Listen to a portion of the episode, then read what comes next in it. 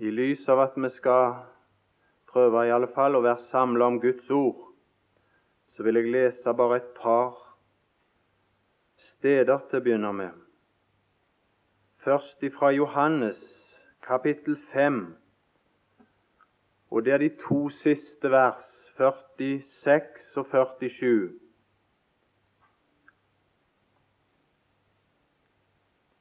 Johannes kapittel 5, vers 46 begynner med. For hadde dere trodd Moses, da hadde dere trodd meg. For det er om meg han har skrevet. Men tror dere ikke hans skrifter, hvorledes kan dere da tro mine ord. Den Herre Jesus taler her om sine ord. Og vi kjenner til vitnesbyrd sjøl fra hans fiender om at det var aldri noe menneske som hadde talt således som denne mann. Allikevel så ser vi av dette og disse vers som ble lest, at den Herre Jesus han setter Bibelens skrifter og Moses skrifter endog over sine egne talte ord som et vitnesbyrd her til jødenes samvittighet. Her regnes de opp. Og så, og så taler han på den måten om Det gamle testamentets skrifter. Det var ikke her et spørsmål, selvfølgelig, om et høyere krav i seg sjøl, eller når det gjaldt den sannhet som disse ord meddelte. For det var selvfølgelig ingen som kunne sammenligne seg med Sønnen.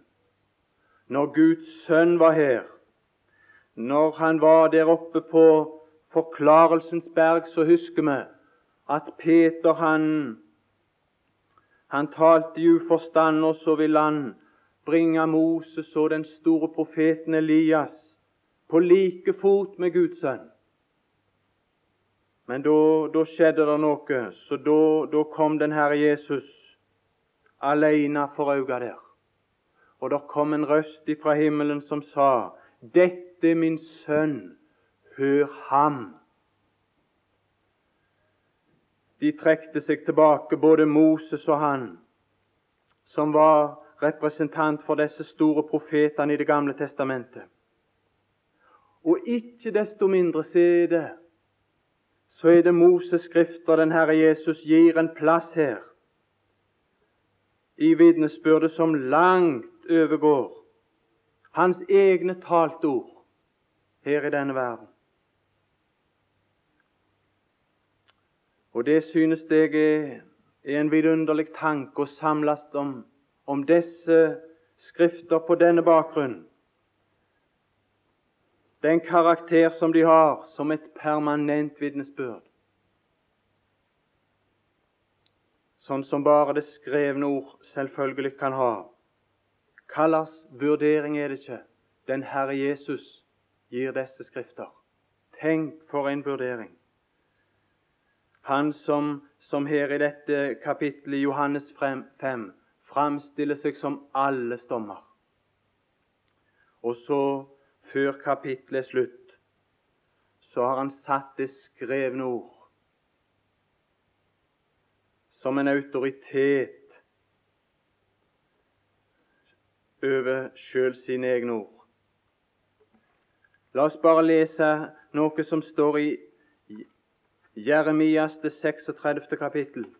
Vi samler om disse Guds ord. Disse Guds ord som er nedskrevet ved Den hellige ånds inspirasjon. Det står i Jeremias det 36. kapittel på denne måten bare noen få ord har jeg understreket og, tenkt på der. I det første vers der står det at det kom dette ord til Herren fra Jeremias. Og så står det i det andre vers Ta deg en bokrull og skriv i den alle de ord jeg har talt til deg. Og Så står det i det fjerde vers hva som skjedde. Barak, Baruk skrev etter Jeremias munn alle de ord som Herren hadde talt til ham i en bokrull. Og så står det det som, som jo blir det som vi skal prøve på i det sjette vers. Får han denne befaling. Men gå du dit og les av rullen, som du har skrevet etter min munn, Herrens ord opp for folk i Herrens hus. Og hva skjedde så? Og det var det som jeg tenkte på, og som jeg om jeg vil be om at det måtte skje. Tenk dere komt ord ifra Herren. Alle de ord som er kommet ifra Herren, de er nedtegna. Vi har det i Guds ord. Vi har det i Skriften. Alle ordene. Og så når, når den befaling kom om å lese disse ord, hva skjedde så? Det står i det åttende vers om at Baruk gjorde det som var pålagt han, og leste Herrens ord opp av boken. Og så står det hva resultatet var i det ellevte vers. Da Mikaia, sønn av Geremaya, Germaria, sønn av Safan, hørte alle Herrens ord bli lest opp av boken. Det synes jeg er en vidunderlig tanke å ha som bakgrunn for at vi skal samles om opplesningen av Skriftens ord og vite dette at når de blir opplest, så er det fremdeles Herrens ord. Å tenke seg at vi kan samles om Guds ord og Skriftens ord på denne måte vi har et ord som kom ifra Gud, og som sjøl etter disse mange år, og sjøl ved at det nå skal leses opp av en annen, ikke har mista sin karakter, er like rent som det kom ifra kilden. Alle de ord som kom ifra Herren til Jeremias, de kunne de som hørte, motta de hørte alle Herrens ord. Tenk, de kommer til oss. Disse Guds ord, uforvanska, like reine, uopplanda, som vi kan motta Herrens ord. Herrens eget uforandra, ja, uforanderlige ord. Og da skulle vi òg få oppleve det som vi husker sikkert alle at profeten opplevde. Jeg fant ditt ord. Personlig, når vi fikk høre det, og vi fikk motta det, så fant vi det ikke som et menneskeord bare, for da har det liten verdi. Men vi fant det som et Guds ord. Og når vi mottok det, så førte det med seg et resultat i vår sjel. Mitt hjerte gledet seg.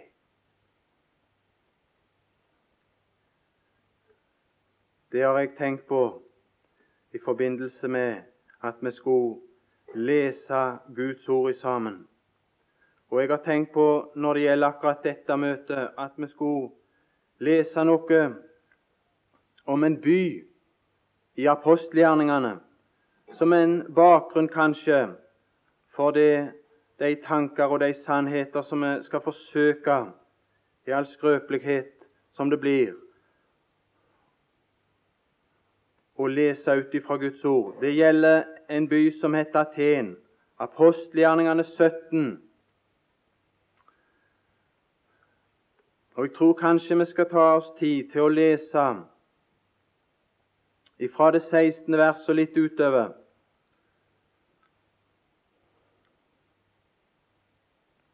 Der står apostelgjerningene 17 og det 16. vers.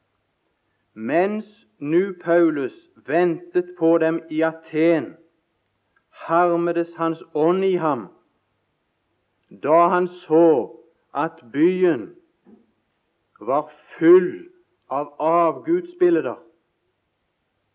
Han holdt da samtaler i synagogen med jødene og dem som dyrket Gud på torvet.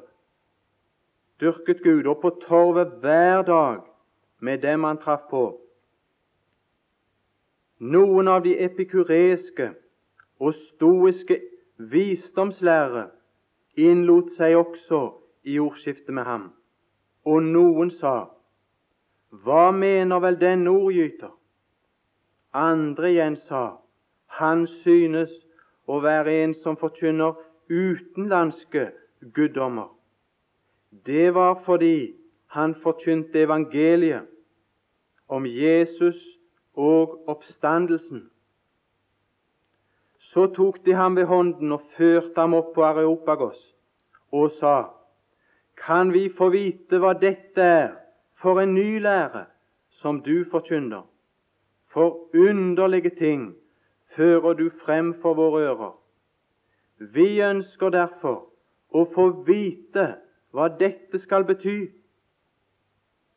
Men alle atenere og de fremmede som oppholdt seg der, gav seg ikke stunder til annet enn å fortelle eller høre nytt.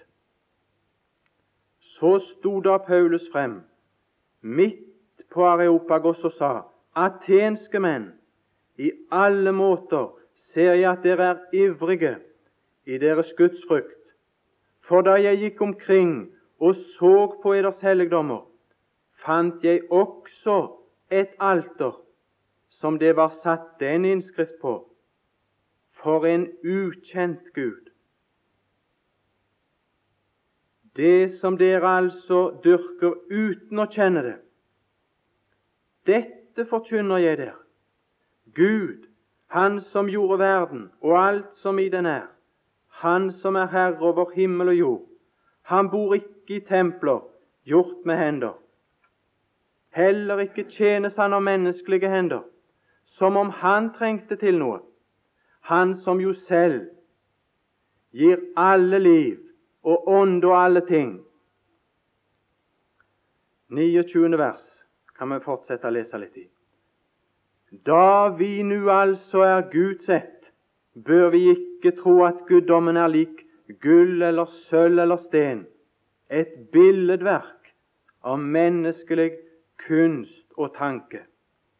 Etter at Gud da har båret over med vankundighetens tider, byder han nå menneskene at de alle, alle steds skal omvende seg ettersom han har fastsatt en dag da han skal dømme verden med rettferdighet ved en mann som han har bestemt til det, etter at han har gitt fullgodt bevis for alle ved å oppreise ham fra de døde. Da de hørte om dødes oppstandelse, spottet noen, osv. Her finner vi Paulus i Grekenland, og det i deres mest kjente by, Aten. Grekerne, dette folkeslag som hadde den særegne karakter at de var slik at de søkte visdom. Grekerne søker visdom. Og denne by, den har fått sitt navn etter visdommens gudinne, etter Atene. Så det var ikke bare det at dette var et sånt visdomssete der det var en hel masse mennesker som var så kunnskapstørste. Nei, det var ikke det. Bibelen har ikke noe imot kunnskaper. Men det var en visdom her. Det var visdommens gudinne. Det var visdom som reiste seg imot Gud, mot kunnskapen om Gud. Og så sto det her, som det store karaktertrekk ved nettopp denne by, I det 16. vers så står det byen var full av avgudsbilder.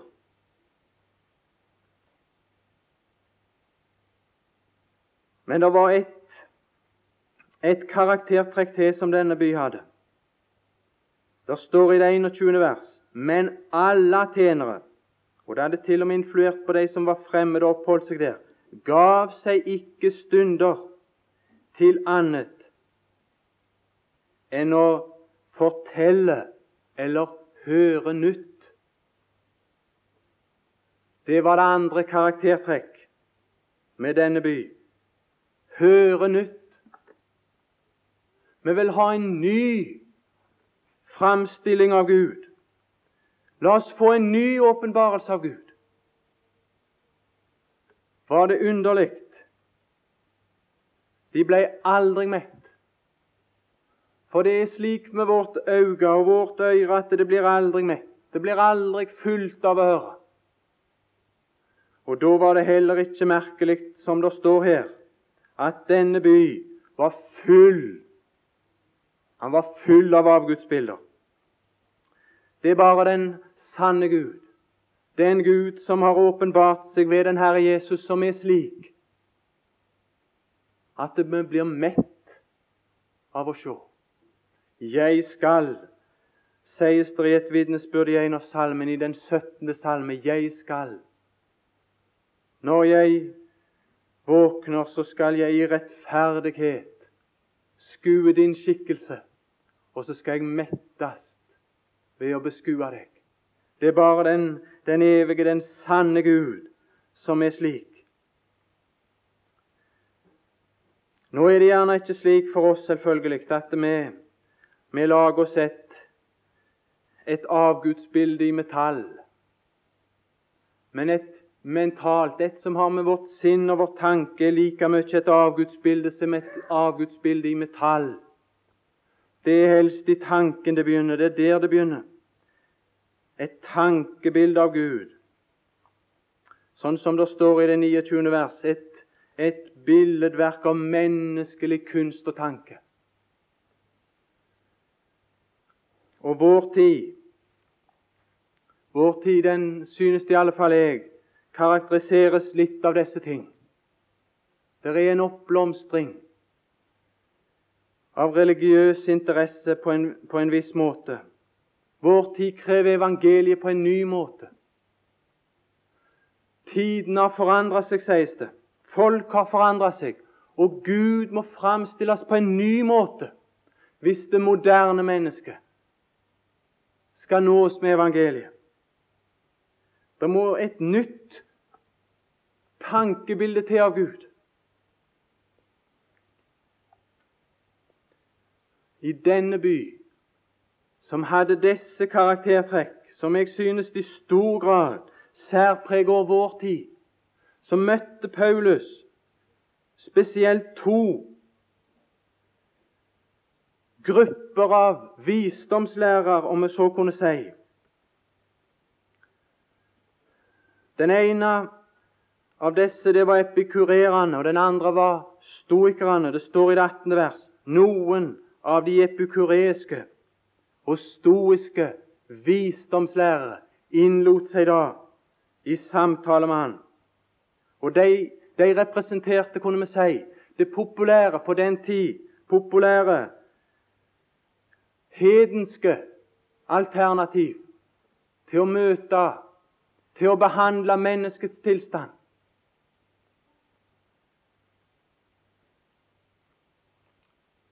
Og sannheten er den at vår tid har ikke kommet til noe annet resultat.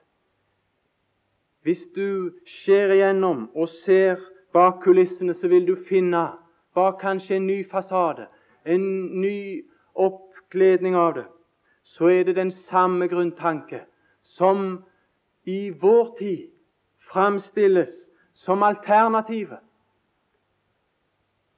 I vårt land, kanskje i særdeleshet, hva var det disse epikurerene sto for? Hva var det som var deres livsvisdom?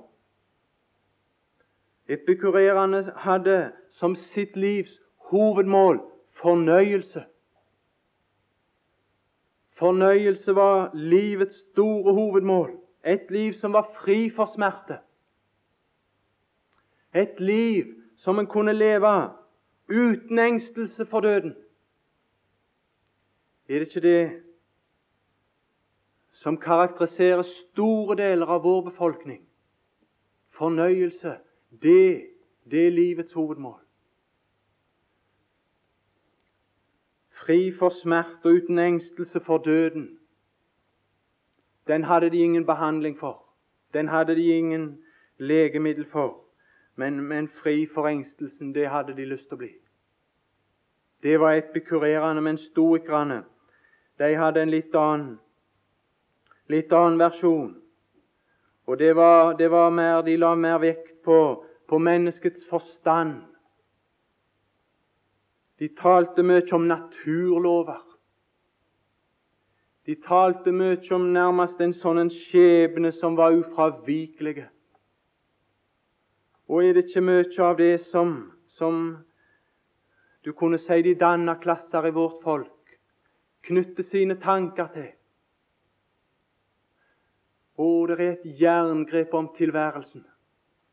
Det er noe ubønnhørlig i naturlovene som er så koldt, som er grusomt, men som de har funnet er der.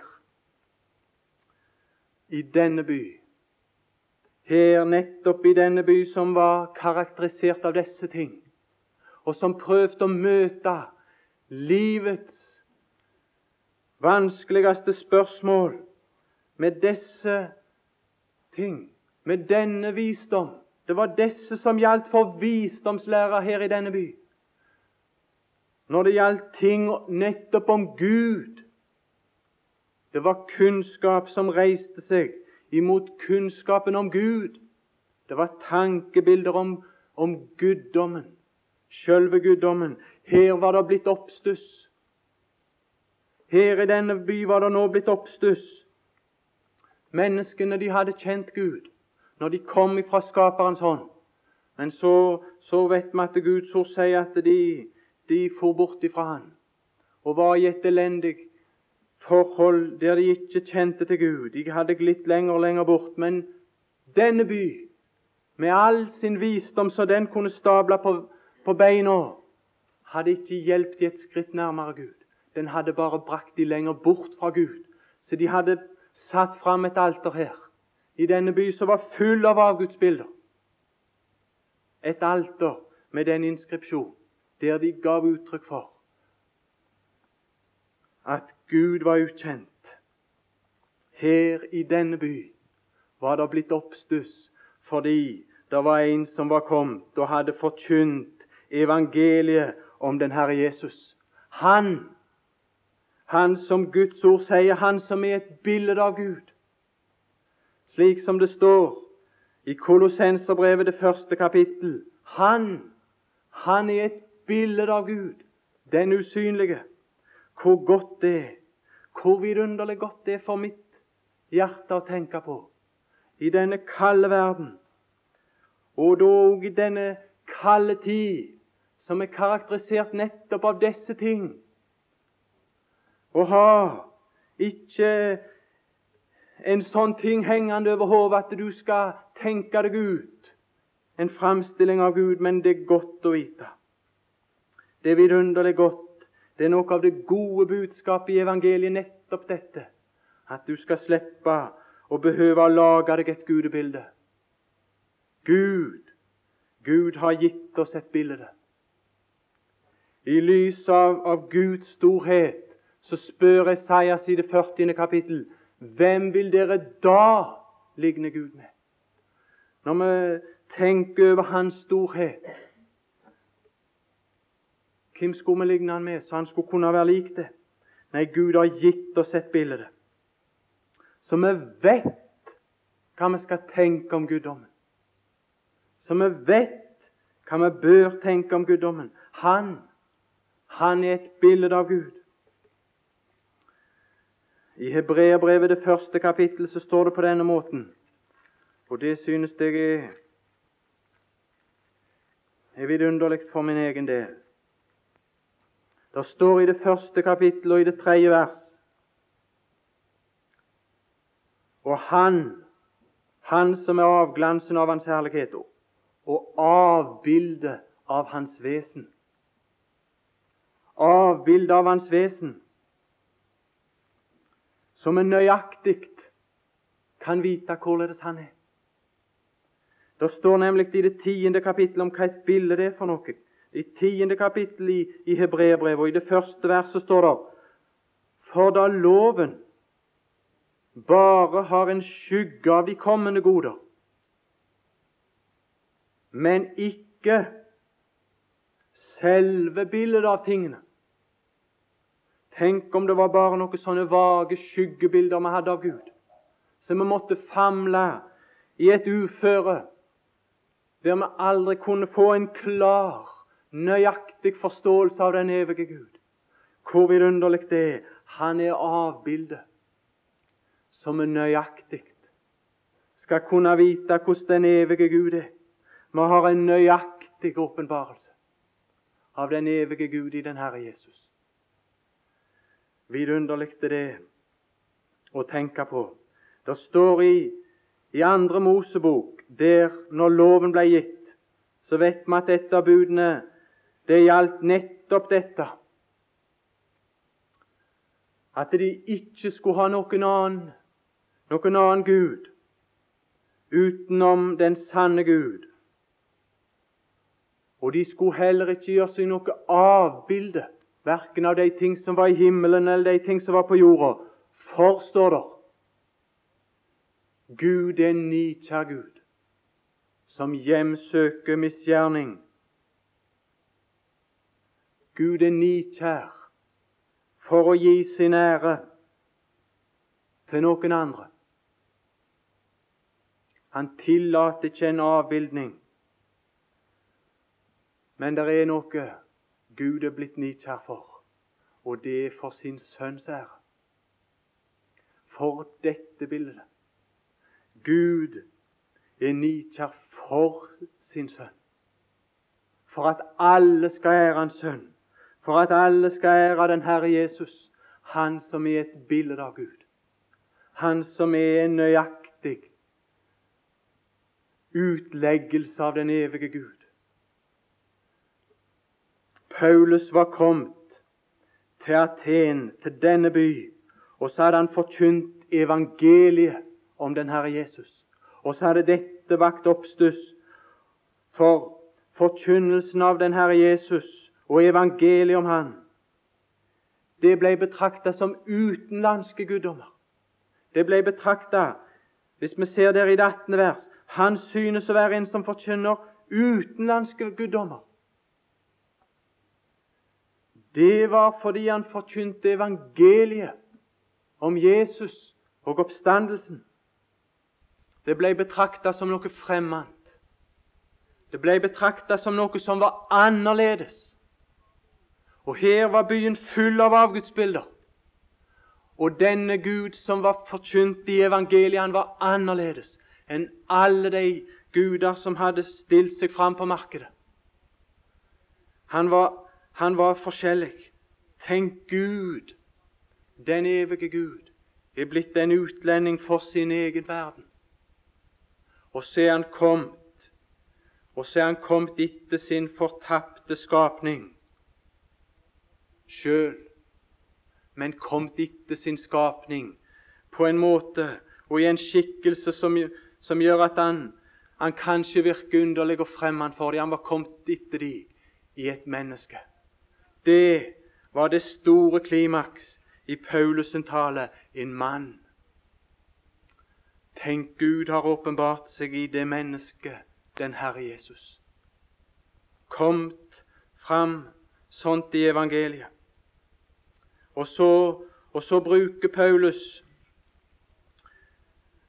disse ord på inskripsjon der på det alter for å introdusere sitt kall til omvendelse.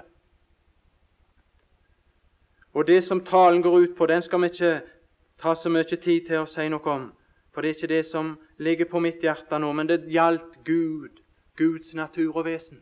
Og så gjaldt det menneskets ansvar overfor denne Gud. Og så er klimaks det fokuserer nettopp på den mann. Den mann som det var gitt fullgodt bevis for, for alle. En offentlig bevisførsel som var fullgod, nemlig ved å oppreise han fra de døde. Gud hadde båret over med all denne uvitenhet, all dette avguderi, og ikke skredet inn med dom. Nå presenterer han dom ved en mann.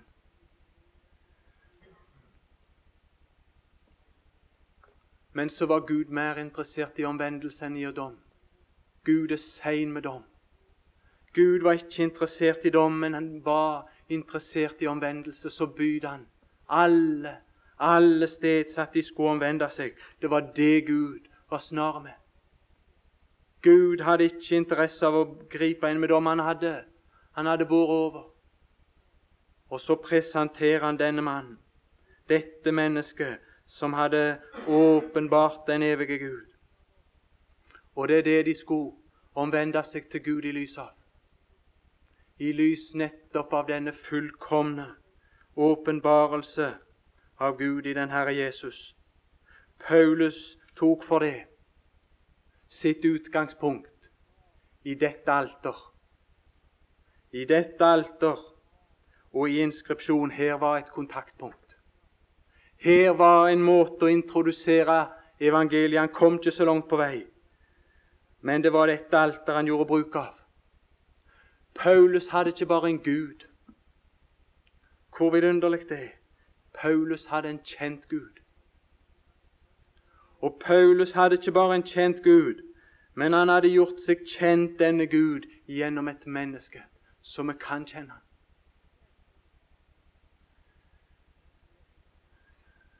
Vi har en kjent Gud gjennom et alter. Det er det som er evangeliet.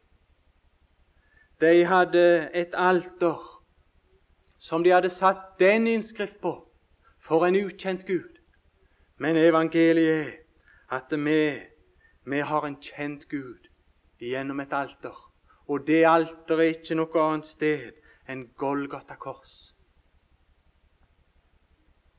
Vi har et alter, men det er et alter for en kjent Gud. Og det viste seg her så tydelig at denne Gud var en ukjent Gud. For de hadde et alter foran, og det alter det måtte de lø ned. Det måtte de hope opp med offer på. Og det, det, det viste i sannhet at han var ukjent. De hopte det opp, for deres tanke det var at de måtte gi til Gud. Deres tanke det var denne, at det var Gud som hadde behov. Men er det Gud som har behov? Er det Han som har behov? I det 25. verset sier Paulus heller ikke tjenes han av menneskelige hender, som om han trengte til noe. Er det han som har behov? Nei, det er ikke han som har behov, men det var vi som hadde behov.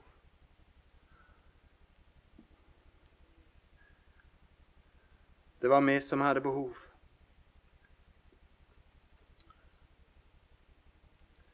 Det står et ord i i Jobbs bok i det 41. kapittel Hvem ga meg noe først, så jeg skulle gi ham vederlag? Det står nå et, et ord her i apostelgjerningene 21. kapittel, og det 24. vers. Når vi tenker på det, at de løa ned disse alter for om mulig å få denne Gud vennlig stemt overfor seg, så synes jeg at evangeliets vidunderlige sannhet skinner gjennom for oss gjennom disse mørke ting på en vidunderlig måte. Det står i det 24. vers, og anledningen det var at det var noen som skulle måtte ofre for å rense seg ved, ved offer der i tempelet. Og så står det et, bare en, et uttrykk der i den sammenheng. Slå deg sammen med dem, og la deg rense med dem, og ta på deg omkostningene for dem. Det var dyrt. Det var en dyr ofring som skulle finne sted. De, de, De kosta noe, de offer, hvis det skulle være skikkelige dyr som skulle bringes fram. Ta på de omkostningene. Men her var det en Gud som åpenbartes gjennom et alter der han sjøl hadde tatt på seg omkostningene. Der han ikke sjøl først var, men der han hadde kommet ut i den Herre Jesus som en åpenbarelse av seg sjøl, som den som tok på seg alle omkostningene. Bare alle omkostningene sjøl på den største bekostning. Og så framstiller han seg sjøl som en som er fremmed, som den som er utenlandsk, som er annerledes enn alle tankemodeller om Gud. For en vidunderlig Gud. Og så er han, har oppstandelsen proklamert dette offer å være et godtatt offer. For det var evangeliet om Jesus og oppstandelsen. Og oppstandelsen, det forkynner den sannhet for oss, bl.a. at offeret, det er ikke lenger der. For det er reist opp, godtatt av Gud. Den Herre Jesus er oppreist til de troendes rettferdiggjørelse. Men så er han oppreist, ifølge dette kapittel, til verdens fordømmelse. En mann er oppreist som skal bli dommer. Og det, det er han godtgjort.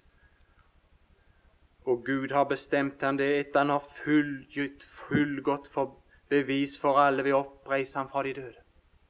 Så her går det, synes jeg, et skille klart. Det er til de troendes rettferdiggjørelse, offeret. Den kjente Guds offer på Golgata kors. Han som har gjort seg kjent gjennom et alter, gjennom et offer som han har brakt. Offer er godtatt. For alle som kommer til tro, så er det et godtatt offer.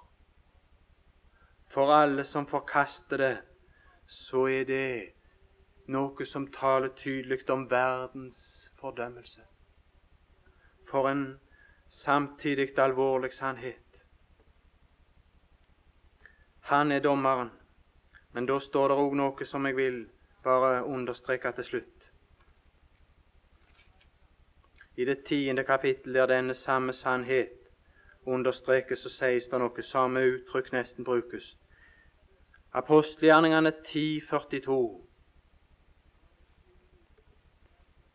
Der står det Og han bød oss å forkynne for folket og vitne at han er den som av Gud er bestemt til å være dommer over levende og døde. Men her som i Aten så ble de konfrontert med en som ikke var så interessert i å dømme. De sto på Areopagos, høyeste rett i Aten, men her var det en, en som ble presentert som dommer, men allikevel annerledes. En som var interessert mer i omvendelse. En som hadde sjøl gått under dommen. Tenk for en underlig dag det må bli å møte denne som dommer. Han som sjøl har gått under dommen, for at de skulle slippe. Og Derfor så står det videre her i apostelgjerningene tid om han som er bestemt. Hva er det med han? Han, nemlig den samme, gir alle profetene det vitnesbyrd at hver den som tror på ham, får syndenes forlatelse ved hans navn. Tenk for en vidunderlig ting ved evangeliet nå. I lys av den kommende dom, der alle bydes til omvendelse, så bydes de til omvendelse i lys av den åpenbarte Gud.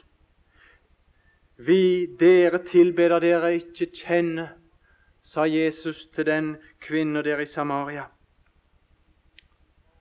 Men vi tilbeder det vi kjenner for frelsen kommer fra jødene. Vi tilbeder frelsen i Kristus Jesus. Gir oss et grunnlag for å tilbe. Hvorfor? Tenk, alle som tror, får syndenes forlatelse. Vidunderlige sannhet og den åpenbarelse, denne som gir frelse ved tro på den Herre Jesus, for hver den som tror. De får syndenes forlatelse. Den åpenbarelse er det som driver oss til Gud. Første gang driver oss til Gud. Da Gud, vår Frelsers godhet, åpenbarte seg, da frelste Han oss. Han frelste oss ved å åpenbare sin godhet og sin storhet, sånn som Han er kjent og åpenbart gjennom et alter.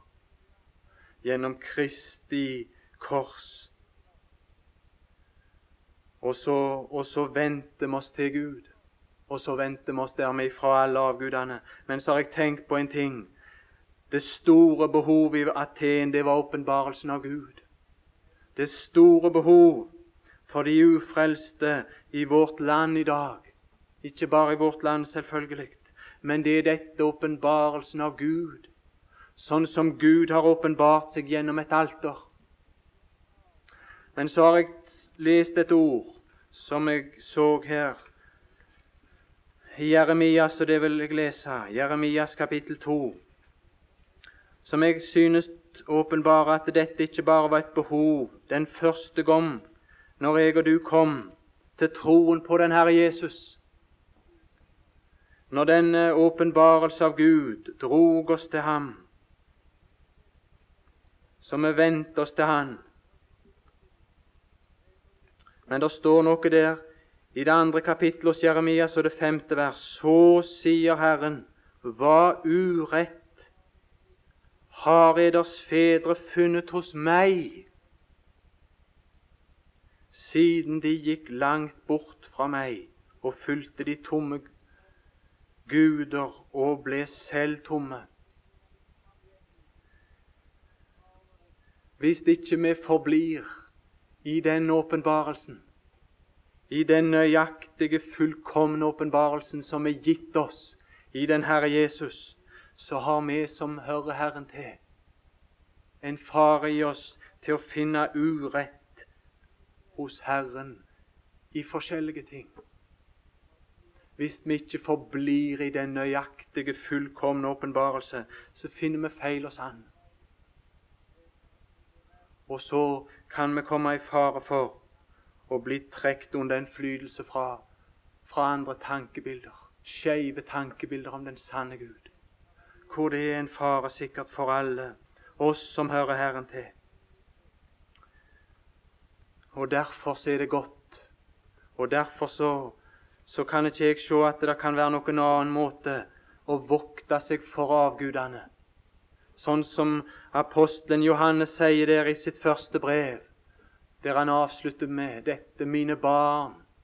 Ikke bare de ufrelste, men mine barn Guds barn, vokt dere for avgudene.